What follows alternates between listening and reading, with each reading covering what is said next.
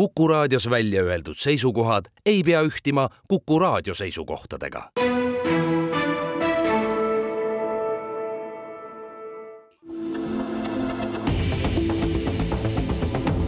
kahevahel. kahevahel. tere ajakirjanikud Raul Ranne ja Ainar Ruussaar alustamas igareedest vestlussaadet Kahe vahel ja meie vahel Kuku raadio otsestuudios on Ohutusjuurdluse Keskuse juht Märt Ots, tere! tere! parvlaeva Estonia hukust on tehtud hulgaliselt dokfilme ja kirjutatud mitmes keeles raamatuid. noh, lõpetamata logiraamat, Häiritud aastad, Uppumatu Estonia, on mõned nendest pealkirjadest uppumatuse kujund on selles mõttes isegi tabav, et peaaegu kakskümmend üheksa aastat tagasi juhtunud laevaõnnetuse uurimine käib. seetõttu on ka suurõnnetusele Läänemerel kahekümne kaheksanda septembri öösel tuhat üheksasada üheksakümmend neli, mis nõudis kahesaja, kaheksasaja viiekümne kahe inimese elu, järgnenud väga paljude inimeste jaoks häiritud aastad. mõned päevad tagasi lõppes järjekordne rahvusvaheline uurimisretk Estonia vraki juurde. ja Te olete juba erinevates intervjuudes jõudnud ka öelda, et kõik läks plaanipäraselt, isegi rohkem. kui te nüüd eh, lühidalt formuleeriksite, aga mis oli see plaan, mis oli peamine eesmärk? ütleks niimoodi, et plaan oli kõik, mis ei puudutanud Estonia pardas oleva augu juures metallitüki väljalõikamist. ülejäänud oli kõik rootslaste poolt tehtud hankeplaanis sees, loomulikult meretööd on alati sellised, me iial ei tea, mida me suudame saavutada, mida me ei suuda saavutada, sest noh, kujutage ette, me oleme ikkagi kaheksakümne meetri sügavuses, kus on täielik pimedus. Ja kõik ülejäänud oli hankeplaanis sees, mida me küll rääkisime enne, et äkki õnnestuks võtta sealt pardast lõige äkki õnnestuks saada metalliproov, äkki õnnestuks seal lähedal ka filmida ja selle kohta oli vastus jah, me võime koha peal katsetada, aga me ei pane seda isegi oma plaani sisse, kuna see tundus algselt üpris keeruline ja lausa võimatu. aga ütleks, et see oli lausa minu jaoks väike ime ja tõesti võib kiita Norra firmat, kellel on tõelised veealuste tööde profid, nad suutsid robotiga väga kitsast kohast sinna augu juurde sisse sõita. robot lõikas välja metallitüki, magnet võttis selle tüki kinni ja tõi meile välja ja lisaks sellele, noh, seal oli suur robot, töörobot ja ka sellised väikesed robotid. päev hiljem, ööpäev hiljem väikesel robotil õnnestus väljaspoolt sealt abast sisse sõita uurida, filmida põhjalikult seda ava nii väljaspoolt kui ka seespoolt, käia ära ka autoteki peal, noh, autoteki peal on ka ju avas suur jälg sees ja selle kohta julgeks küll öelda, et see, need olid need tööd, mida me küll lootsime, aga mida me nii täpselt ei kavandanud, nii et see on kindlasti väga suur võiks öelda niimoodi, saavutus, et me tõesti need proovid saime välja tuua. küsin selle autoteki uurimise kohta, et ega teie eesmärk ei olnud ja ega te vist seda ei soovinudki, et see väike robot võimalikult palju kaardistaks neid autonumbreid ja autosid, mis seal autotekil siis on? ei, meil oli ikkagi soov oli teha seal nii palju kui võimalik ja mida me ei teadnud, me ei teadnud seda, kui hästi robot seal hakkama saab. kuna tõesti seal on käidud ja seal on käidud ka ebaõnnestunult, et ei olegi õnnestunud sisse minna, siis loomulikult me ei teadnud, mida õnnestub, mida mitte. aga kui nüüd juurde lisada, siis kindlasti see, et meil õnnestus väikese robotiga sõita siis mööda mõlemat joont, noh, ütleme niimoodi, jagame selle autoteki piltlikult kaheks, et meil õnnestus nii paremalt poolt kui ka vasakult poolt sõita kuni lõpuni välja ja loomulikult me proovisime ära kaardistada ka kõikvõimalikud autovrakid, millele me vähegi juurde saime ja samamoodi ka ära kaardistada nende äh, registrinumbrid. meil oli kaasas nimekiri, kus oli siis kirjas kõik autod, mis olid eeldatavalt Estonia pardal, ekspertidel oli see nimekiri ees nii kui saime auto numbrimärgi puhtaks, noh, robotil on selline võime, et ta saab tekitada vee all sellise oma propelleriga veejoa, kui ta siis selle liiva sealt ära pühkis, siis me kohe kontrollisime, kas see auto number, mis me leidsime, vastab nüüd nimekirjale äh, autotek-, tekil äh, nähtu ja selle analüüsimise osas räägime pisut hiljem. Äh, ma tuleksin tagasi vöörirambi juurde, mille siis te sealt välja tõite. Estonia vöörivisiir tõsteti ju merepõhjast üles juba üsna kohe pärast äh, laevahukku. Äh, vööriramp, nagu ma ütlesin, jõudis pinnale alles nüüd. milliseid uusi teadmisi või senistele oletustele kinnitust rambi uurimine peaks nüüd andma? Noh, rambi uurimine peaks andma ikkagi kinnituse selle kohta, milline oli Estonia hukkumise käik, sellepärast et ametlikus versioonis on, äh, on ju hukkumine, uppumine toimunud niimoodi, et kõigepealt tuli lahti visiir, kuna visiir ja ramp olid ühe mehaanilise ühenduse küljes, siis visiir tõmbas lahti ka rambi, ramp suure hooga vajus seal laeva all on, nimetatakse pirnvööriks, see on siis see nõndanimetatud tasakaalustav vöör, ta vajus sinna külge ja see tekitas rambile sellise, kuidas öelda, muljumise, et rambil on selline, kuidas öelda, et ta on nagu keskelt pooleks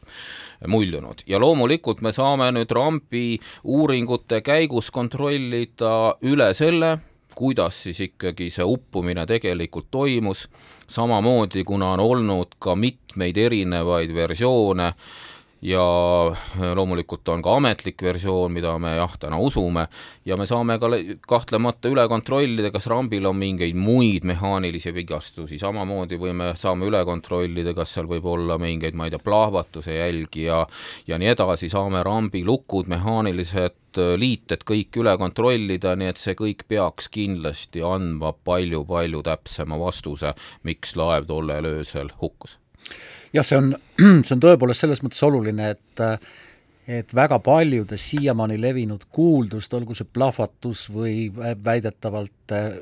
üritati salakauba veokit äh, sealt äh, merre tõugata ja ramp avati, et väga oluline on ka see, et lükata need kuuldused ümber läbi selle, selle uurimise, aga aga tundub, et te ikkagi usute pärast ka viimast ekspeditsiooni seda ametlikku lõpparuande väidet, et äh, üheks huku põhjuseks oli mehaaniline viga, seesama, millele te viitasite jah, ütleks niimoodi, et pärast ekspeditsioonilt tulnud ja kõiki neid pilte vaadanud ja saanud ka esialgse hinnangu meie ekspid, ekspertidelt, julgen küll öelda, et me ei leidnud mitte ühtegi tõendit, mis viitaks, et ametlikus raportis toodud järeldused oleksid valed. nii et selles suhtes jah, see kaheksa päeva, mis ma merel olin, mida ma seda kõike vaatasin, jälgisin, rääkisin ekspertidega, see süvendas minus küll veel kord usku, et ametliku uurimisraport on teinud õiged järeldused, aga veel kord, loomulikult siin stuudios on täna veel neid ametlikke lõppjäreldusi vara teha, me peame enne saama kõikidele ekspertiisidele kinnituse, nii et noh, ametlikult öeldes ma saan öelda, et me ei leidnud ühtegi tõendit, mis viitaks, et senine uurimine oleks olnud vigane. Estonia pardas umbes autoteki kohal on auk millest on sündinud päris palju noh, kas äh, spekulatsioone, versioone ja muid äh, konstruktsioone, et mis, et äkki see võis olla ka saatuslik Estonia hukule. Te uurisite seda hauku, nagu te ka mainisite, mismoodi, mis viisil ja mida te seal täpsemalt uurisite? jaa, nagu ma juba enne ütlesin, et me saime selle augu juures metallilõike, mis on tõesti väga oluline, noh, ütleme niimoodi kuskil pool meetrit korda kolmkümmend sentimeetrit lai metallitükk ja nüüd me saame tõesti uurida, kas sellel metallil on mingeid jälge lõhkeainest, kas seal on mingeid jälgi, et teine objekt on sinna sisse sõitnud, sest meil õnnestus täpselt lõigata selle nõndanimetatud purustatud koha ääres, see ongi huvitav metallitükk, muidu sellise normaalse paksusega ja siis see äär on selline hästi õhuke, seal on näha, et seal on purustuse jäljed. et me saime seda teha ja mis oli ka väga oluline, me saime selle ava juurest filmida seestpoolt. Ja kui seal oleks olnud mingi plahvatus näiteks, siis on, on selge see, et plahvatuse tagajärjel, noh, ütleme niimoodi, et seal oleks olnud mingi pomm näiteks autotekil, siis loomulikult seal oleks olnud ju suur segadus ju autode hulgas autod oleksid purunenud, autod oleksid kildudeks lennanud, autodel oleksid augud, kõik need objektid, mis olid selle ava juures, olid täpselt sellised nagu ka mujal, et mingisugust plahvatuse jälge seal ei olnud. samamoodi vaatasime ümbruskonna üle, kas seal oleks mingeid plahvatuse jälgi, kas mingi redel uks on plahvatanud, ei olnud, mis veel kord näitab, et, et mingeid tõendeid, nagu seal oleks olnud plahvatus, me ei leidnud. teeme siin väikese pausi ja siis jätkame.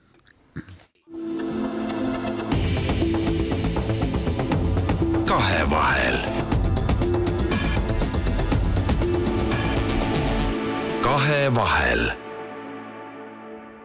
ajakirjanikud Raul Ranne, Ainar Ruussaar jätkamas igareedest vestlussaadet ja Kuku raadios meie vahel on Ohutusjuurdluse Keskuse juht Märt Ots ja me räägime viimasest ekspeditsioonist Estonia vraki kohale ja Estonia vraki uurimisest. Ja jätkame selle auguga, mille juures me pooleli jäime, noh, spekulatsioone on palju, alates kokkupõrkest, noh, lõhke, lõhkekeha kasutamise võimalus on, on minimaalne, kui, kui vaadata seda, mis mis robot, kes sealt august sissepoole läks, tungis, ma, mu küsimus on väga lihtne. kas te avastasite ka merepõhjas selle nii-öelda terava kalju? mis, mis võis selle augu põhjustada, ehk siis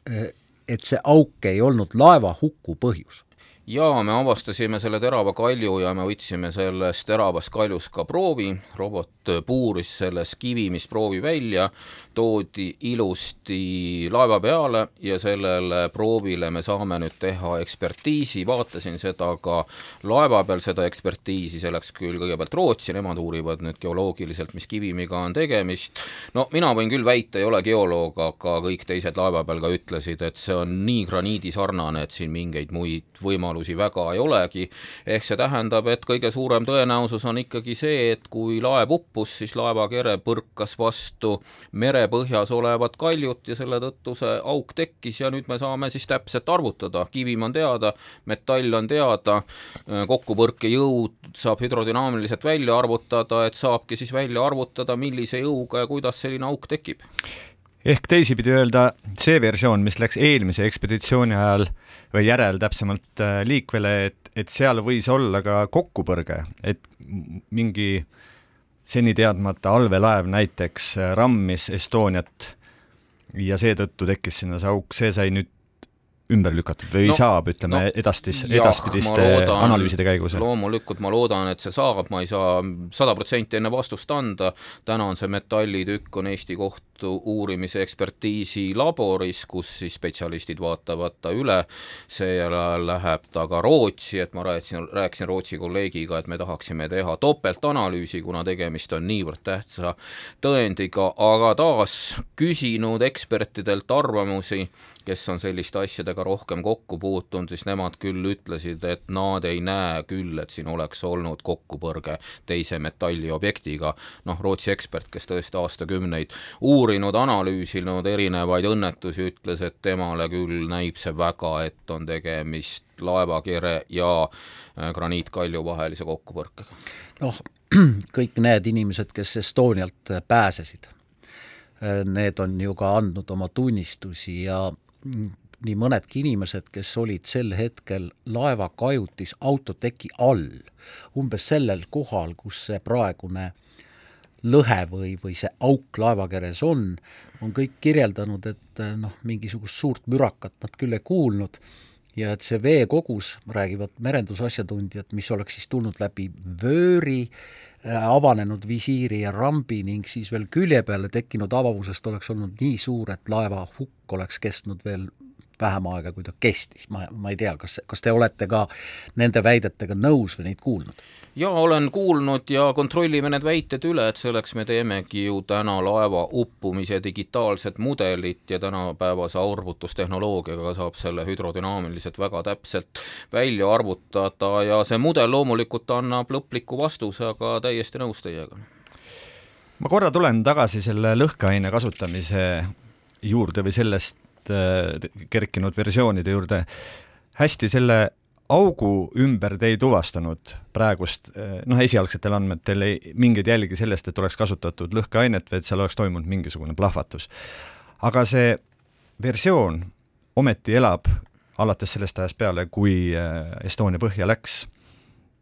kui ma õieti mäletan, siis ka näiteks Saksa laevaehitaja, Estonia ehitaja Maier Werft, jah. ka nemad oma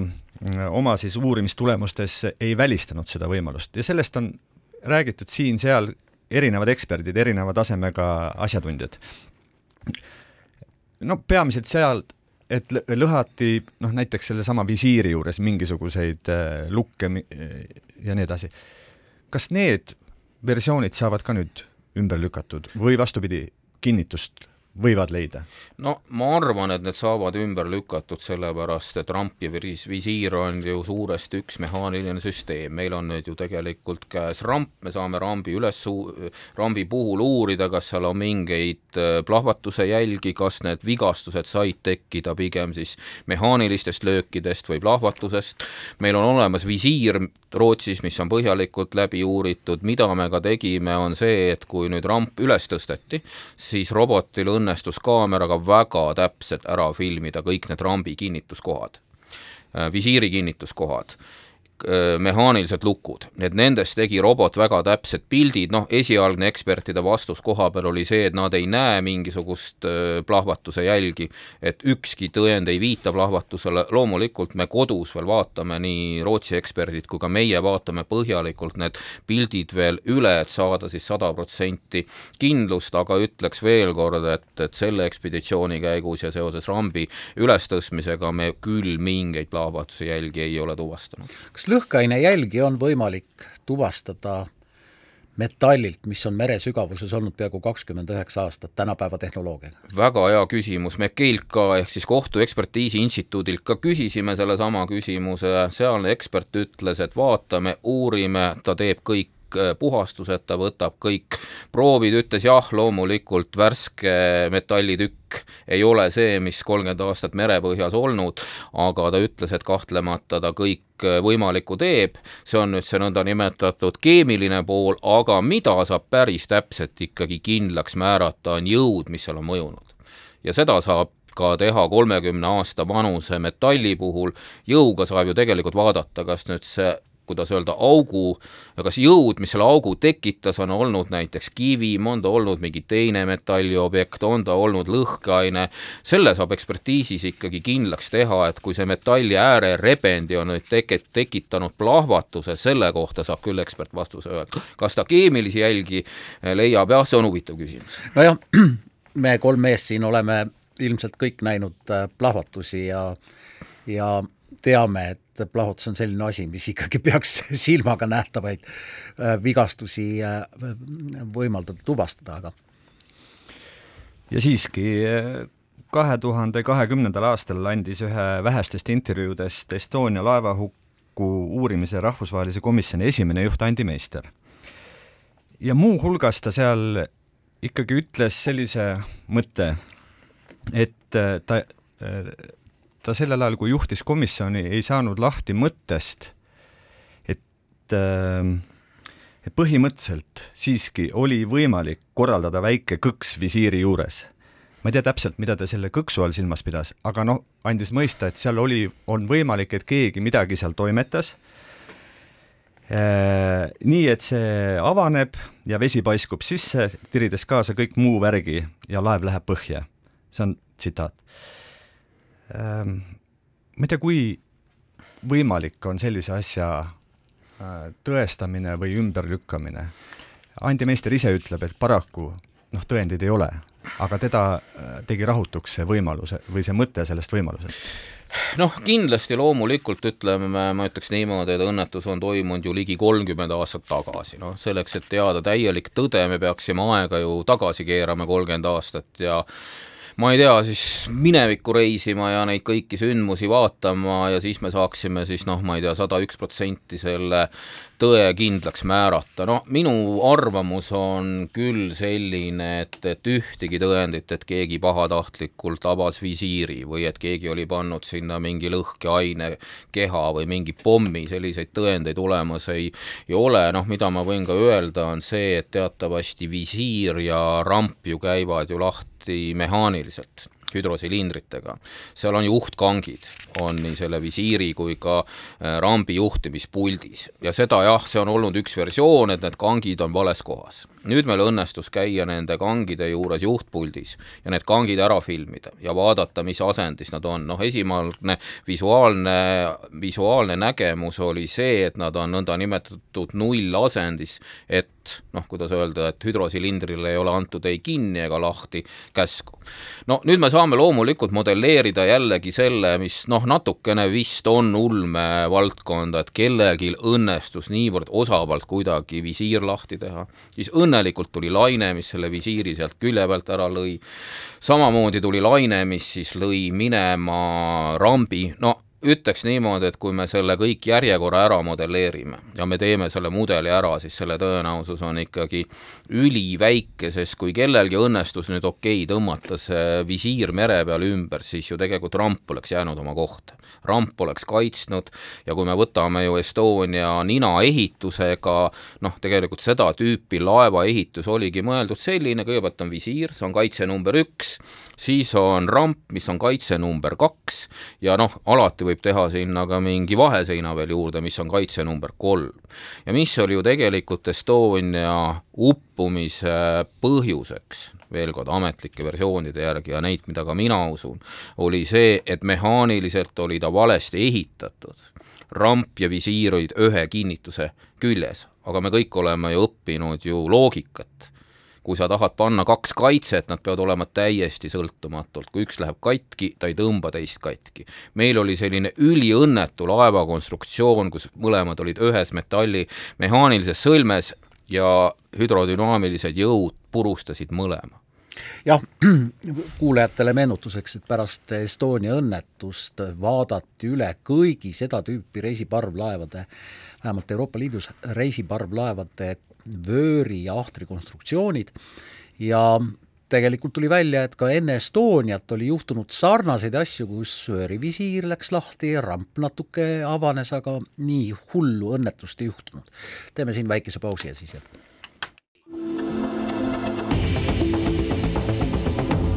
Kahevahel. kahevahel Raul Ranne, Ainar Ruussaar jätkamas igareedest saadet Kahe vahel ja Kuku raadio otsestuudios meie vahel on Ohutusjuurdluse Keskuse juht Märt Ots. Märt, pärast Estonia hukku korraldati päris noh, tol ajal võimas tuukriekspeditsioon Estonia vrakile. Ei käinud robotid, vaid käisid inimesed, Norra tuukrid. Selle ekspeditsiooni kohta on ka päris palju noh, tehtud kriitikat, seda katab teatav saladuse loor, need videod, mida tuukrid tookord vrakil filmisid, on salastatud vist viiekümneks aastaks või isegi kauemaks, miks?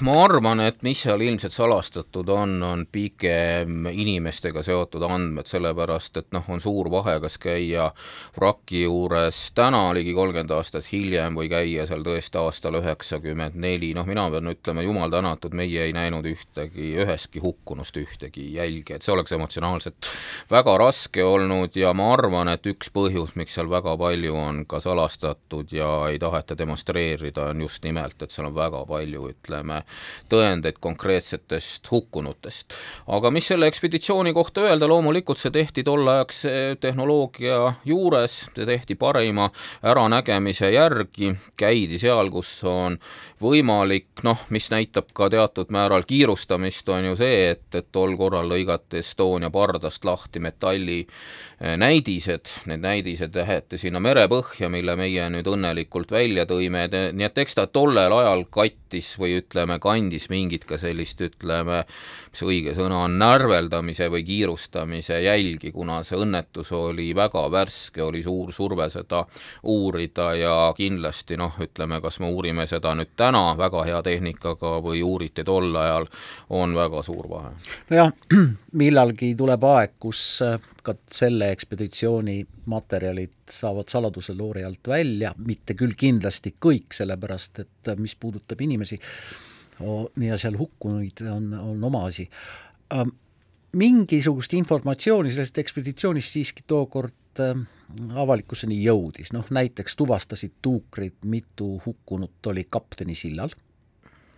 mitu keha seal oli ja noh, veel, veel nii mõndagi asja, aga Märt Ots, öelge ausalt, jumal tänatud, et seda vrakki ei kaetud betooniga, nagu vahepeal kavatseti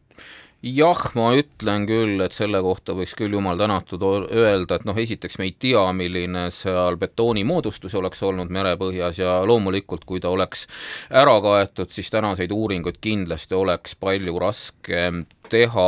noh, ma nüüd ei oska täpselt ajaloos öelda, palju sinna seda liiva või mingit muud katteainet õnnestus panna, aga täna on ikkagi vrakk on täiesti nähtaval, noh, selle detaili ma tõin, et näiteks see ramp oli pisut sügavamal tõesti seal merepõhjas, liivapõhjas. võib-olla selle tõttu oli mingisugune tugevam kivistis sinna tekkinud, aga absoluutselt õige, kui oleks ta kaetud, oleks täna väga raske uurida, olnud. Just nimelt äh,, nagu ka ju saate algus, alguses sai mainitud, õnnestus seekordsel ekspeditsioonil äh, allveerobotitel käia ka autotekil ja saada sealt üks üsnagi üksikasjalik pilt, mis seal toimub ja mis seisus seal siis see last on. ja sellest võib saada ju ka, sealtki võib saada päris palju vastuseid nüüd küsimustele, mis on seotud sellega, mida Estoniaga omal ajal veeti, sest me teame ju, et äh, väga paljud äh, versioonid, spekulatsioonid toetuvad või saavad oma alguse sellest, et seal veeti midagi väga salajast. ma ei tea, kui palju te nüüd otsisite vastused sellistele küsimustele? no meie sellistele küsimustele ütleks, et ikkagi otsest vastust ei otsinud, sellepärast et noh, meie ülesanne on ikkagi tuvastada, mis Estonia hukkus ja noh, loomulikult ütleme, see lastivedu oleks seotud ju sellega, kui seal oleks midagi plahvatanud, noh ütleme, ma ei tea, veeti lõhkeainet, kogemata plahvatas, meie oleksime sellisel juhul sellele vastust otsinud, aga me ei ole küll jah, tõesti sellele vastust otsinud, mis seal veeti, kas seal veeti ühte või teist kaupa, kaupa, aga mida me küll, nagu ma juba enne ütlesin, tegime, on see, et, et nii palju, kui me neid numbrimärke leidsime, nii palju me neid ka üle kontrollisime. nojah, vot selliste suurte õnnetuste puhul on paratamatu see, et hulgaliselt vandenõuteooriaid järgneb kohe pärast õnnetust. olgu see siis kaksiktornide rammimine terroristide poolt äh, Ameerika Ühendriikides, Estonia õnnetus või mõni suurem lennuõnnetus, aga noh, tookord ajakirjanikuna seda õnnetust siit maalt kattes ma mäletan küll ka jah, neid, neid erinevaid vandenõuteooriaid ja ma mäletan ka Venemaa ajakirjanduse rolli sellel, selles osas, et neid vandenõuteooriaid just nimelt salakaubaveost ja kõigest muust äh, võimalikult, äh, võimalikult palju levitada, aga millal siis, tegelikult ma tahan küsida seda hukust on möödunud ligi kakskümmend üheksa aastat. me peame ilmselt tunnistama, et palju informatsiooni tegelikult on jäädavalt merre kadunud. kõike, sada protsenti, ei saa me kunagi teada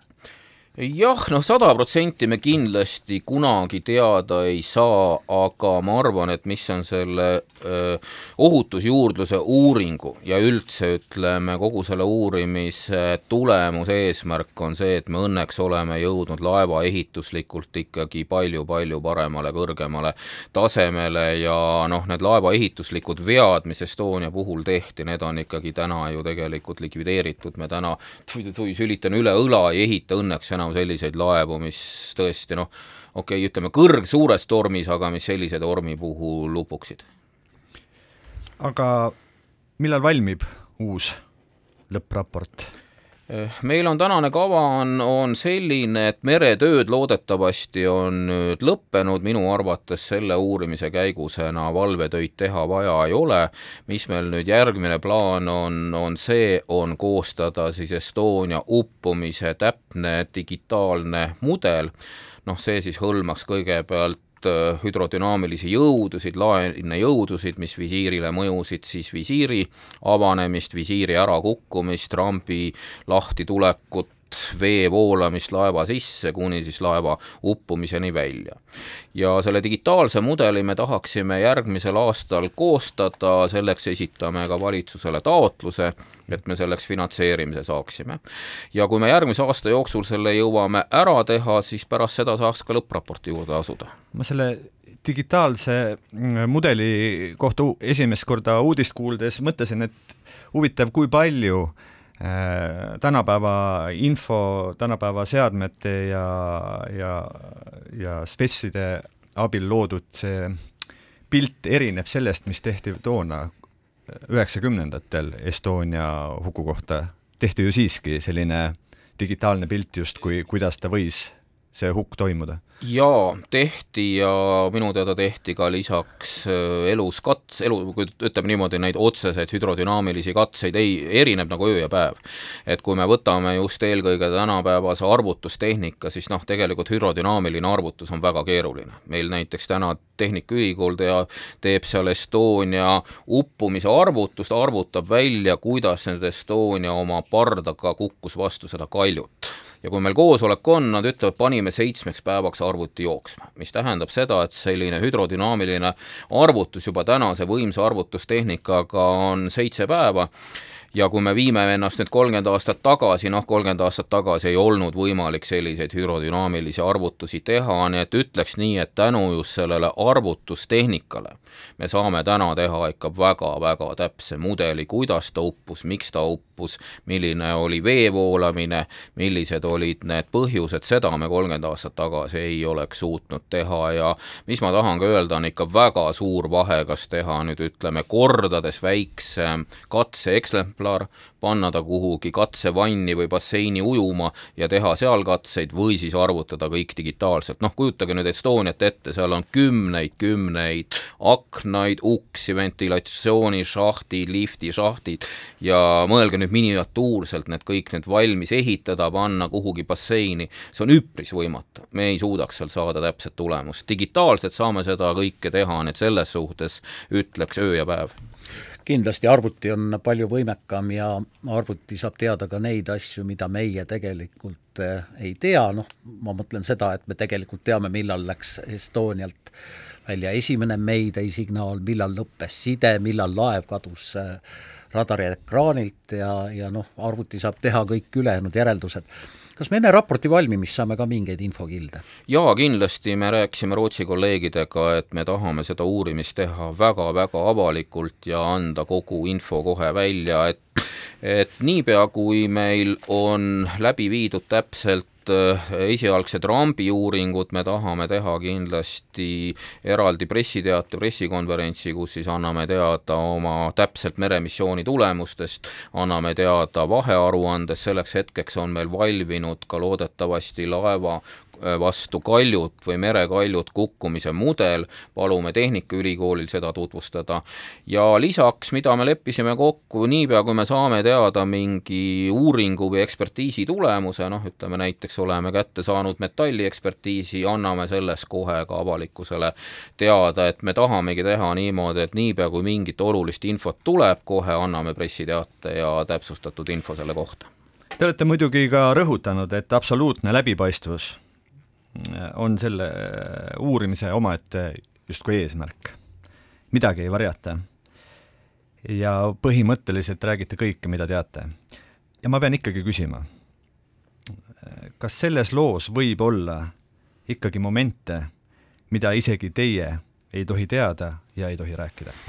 ütleks, et mul ei ole absoluutselt mitte midagi varjata võtta, see asi ei ole ju kaetud riigisaladusega, seal ei ole tõesti mitte midagi saladust ega varjata ei ole, noh, ma ütlen, ainsad momendid on see, et tõesti need, ütleme, filmid, mis on seotud, ütleme, üksikisikute hukkunutega, loomulikult noh, see on juba selline, kuidas öelda, emotsionaalselt seda,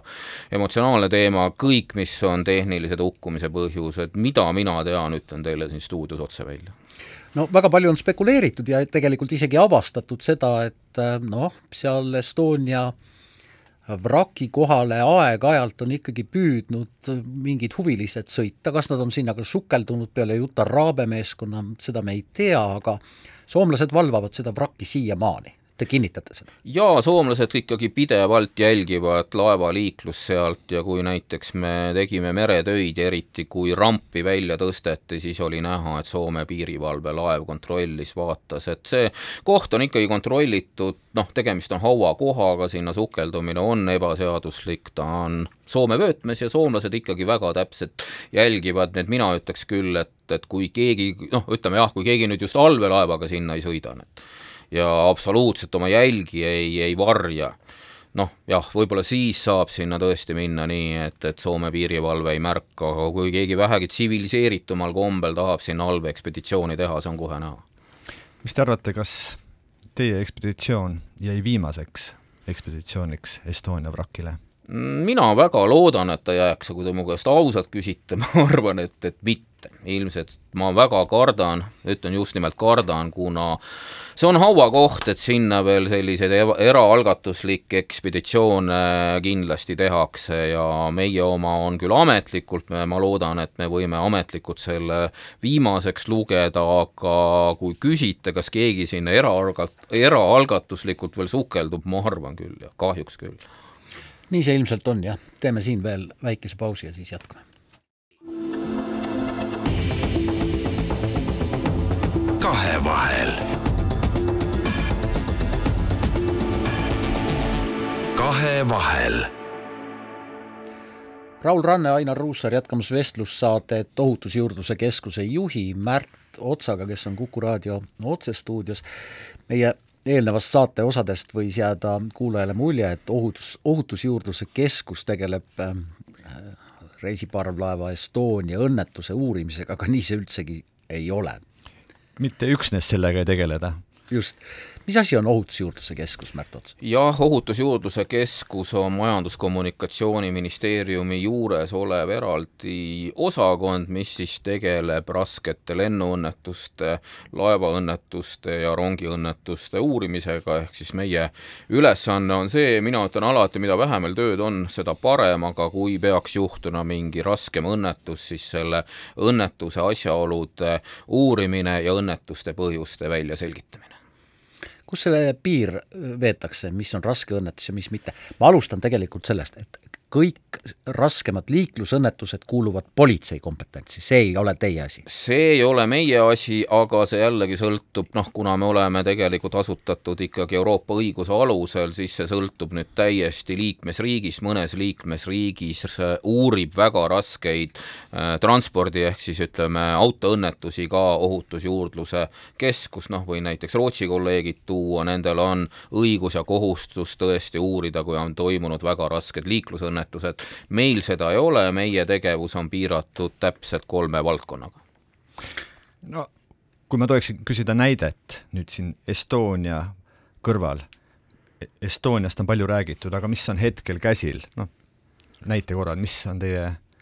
no me uurida hetkel? jaa, no võime öelda, et viimane ta ei olnud küll selline suurem õnnetus, see oli selline väike õnnetus, oli näiteks gürokopteriga juhtus siin õnnetus juunikuus, see on selline imelik ütleks niimoodi, imelik lennumasin, mida tavainimene ei teagi, see on nagu helikopter, aga ta on niisugune imelik loom, et tal on tagaosas on propeller, mis siis paneb talle, ta nagu lennuki liikuma ja niikaua, kui ta liigub, tal see ülemine tiivik tekitab tõstejõu, et ühesõnaga selline helikopteri taoline moodustis. sellega toimus õnnetus, inimene oli seal pardal, kukkus sellega alla ja nüüd on Ohutusjuurdluse Keskusel jah, selline kaalutluskoht, see ei ole Euroopa mõistes tegemist raske lennuõnnetus, aga ikkagi lennuõnnetus ja me uurisime seda, tegime kindlaks selle põhjused ja see on selline tüüpiline näide, millega me tegeleme. kust läheb see piir, et äh, te tegelete laeva, lennu või raudteeõnnetustega, kas see tähendab seda, et, äh, et õnnetusel on ohvrid või te uurite ka seda, kui te saate teada, et kaks äh, reisilennukit lähenesid üksteisele ohtlikult või lennuk põrkas linnuga kokku ja pidi pöörduma tagasi lennuväljale või rong sõitis raudteel rööbastelt maha, keegi kannatada ei saanud, aga iseenesest pretsedent. Jaa, noh, võtame, siin on täiesti erinevalt Euroopa Liidu õigus näeb ette neid kriteeriumeid, noh, võin tuua näiteks raudtee puhul on see kriteerium rohkem kui kaks hukkunut ja üle kahe miljoni euro kahjut, lennuõnnetuste puhul tuleb siis ära hinnata, kas ta on tõesti tegemist sellise raske lennuõnnetusega või mitte, ette, mereõnnetuste puhul on samamoodi selline, kuidas öelda, üpris suur ikkagi otsustamise koht Ohutusjuurdluskeskusel, mida uurida, mida mitte, noh loomulikult, kui on siin tegemist näiteks raudteeõnnetusega, suidi-suvi sülitan jälle üle õla, et neid ei juhtuks, noh kus ma ei tea, jumal andku, et ei juhtus, kaks rongi põrkavad kokku, no on selge see, et siin ei olegi kaalutluskohta väga,, väga-väga ütleme, raske rongiõnnetus, kohe peame uurima. teine kahjuks see näide, mis oli Kohilas, kus tõesti rong sõitis ette, vabandust, auto sõitis ette raudteele, nelja-aastane laps sai surma väga,, väga-väga raske õnnetus, see läheb jällegi politsei pärusmaale, kuna siin noh, otseselt raudteega midagi pistmist ei ole, rong oli korras, rong sõitis nii, nagu ta pidi noh, see on ammu teada, et see on nüüd ütleme, selline raudteeregulatsiooni valiku koht, kas me paneme nendele ülesõitudele tõkkepuud või mitte, nii et noh, meie uurime noh, ikkagi ütleme eelkõige neid asju, mis on seotud ühe või teise valdkonna konkreetse tehnikaga. ma täpsustaksin, et kas näiteks äh, Ida-Virumaal kaevandustes juhtuvad äh, ohvritega õnnetused mingisuguse gaasimürgituse tõttu äh, hukkunud Äh, põhjuste uurimine, kas see on ka teie pädevus? ei ole, Eesti on selles suhtes, ütleme niimoodi, täitnud oma ülesannet Euroopa Liidu reeglite kohaselt miinimumi alusel, meie õnn-, meie tõesti uurime ainult neid asju, mida direktiivid, regulatsioonid käsevad, kolme transpordivaldkonda, aga veel tahan juurde öelda, et väga paljudes riikides uuriks Ohutusjuurdluskeskus ka selliseid asju, meie ei uuri seda. jah, noh, õnneks Eestis ei ole väga palju selliseid õnnetusi juhtunud, millega teie keskus peaks tegelema, noh ajaloost ka enne Ohutusjuurdluse Keskuses tänasel kujul loomist, noh, on olnud kopteriõnnetused, on olnud äh, raudteeõnnetused, Balti jaamas vist kaheksakümnendal aastal on olnud ka merel õnnetusi, aga kui te uurite neid õnnetusjuhtumeid raudteel, merel, noh, vee, suurte, suurematel veekogudel või õhus,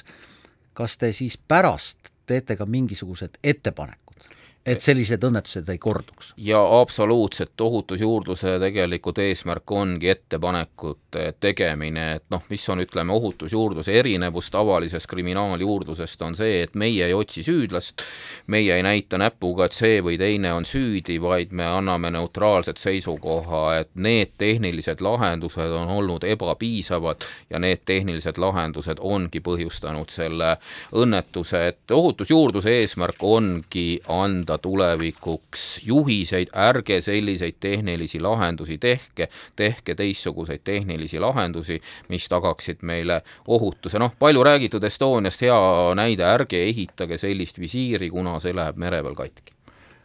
kui teie juurdlus siiski noh, ühemõtteliselt osutab kellelegi, kes on süüdi või mingisugusele seadmele, mis on süüdi, aga eeskätt, kui on mõni inimene, mõne inimese otsus selle taga, siis te annate selle üle prokuratuurile ja seal juba siis menetletakse edasi või kuidas? jaa, no põhimõtteliselt meie uurimise tulemusi saab sellisel juhul jah, ütleme kriminaalmenetluses, uurimismenetluses kasutada, aga veel kord, meie kunagi ei näita näpuga kellelegi, meie selleks, et oleks äh, sõltumatu, kogu ohutusjuurdlus ongi kontsentreerunud just eelkõige tehnilistele ja noh, mingil määral ka ütleme, inimeste, kuidas öelda, lahendustele ma ei tea, kas te oskate vastata, Märt Ots, aga kui, kui võtta kõiki neid õnnetusi, mis on juhtunud merel, raudteel, õhus, ma ei räägi ainult Eestist, vaid noh, võtame siin laiemalt, siis kas me võime öelda, et pooled nendest on tingitud inimlikust eksitusest ja pooled on tingitud noh, nii-öelda tehnikast? jah, noh, ütleks niimoodi, et tehnika taga on inimene, eks ju meil Paraku ikkagi jah ja,, ütleme niimoodi, et meil ikkagi veel seda tehisintellekti ei ole, nii et kokkuvõttes võib öelda, et kõik on ikkagi ju inimese loodud. inimene on selle tehnika loonud, mis ei ole korralikult töötanud, nii et noh, minu selline üldine vastus on, et ikkagi kokkuvõttes kõikide asjade taga on inimene, kas siis on tehtud mingeid valesid tehnilisi otsuseid, on tehtud noh, me puudutame ka mingeid, ütleme, juhtimisotsuseid, need kokkuvõttes seni, kuni meil tehisintellekti ei ole, me jõuame ikkagi inimeseni välja ja ise me oleme need asjad loonud ja ise need asjad on õnnetused põhjustanud. Isegi kui väljas möllab tohutu torm, siis ka selle taga on inimene, selles mõttes, et inimene peaks aru saama, et tormiga ei riskita. Jah, eks see tähendab, ütleme ükstapuha, millise õnnetuse juurde me tagasi läheme, siis kõik need otsused, kas ma ei tea, sadamast välja sõita, lennuk teele saata, need on inimlikud otsused ja veel kord, kui laevakapten, lennukikapten näeb, et ilm on halb, siis temal peaks alati alati lööma tulukene, põlema, teate, mul on pardal inimesed, ma parem ei sõida sellistes tingimustes välja. võib-olla saan võtta oma ülemuste käest, võib-olla saan midagi muud, aga ma olen ettevaatlik ja jah, nii et ütleme, see peaks olema see põhialus. suur täna, et tänu, et tulite Kuku raadio stuudiosse, Ohutusjuurdluse Keskuse juht Märt Ots, Raul Ranne ja Ainar Ruussaar tänavad, et kuulasite. saade Kahe vahel taas järgmisel reedel.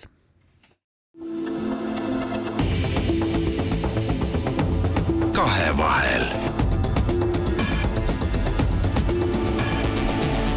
kahevahel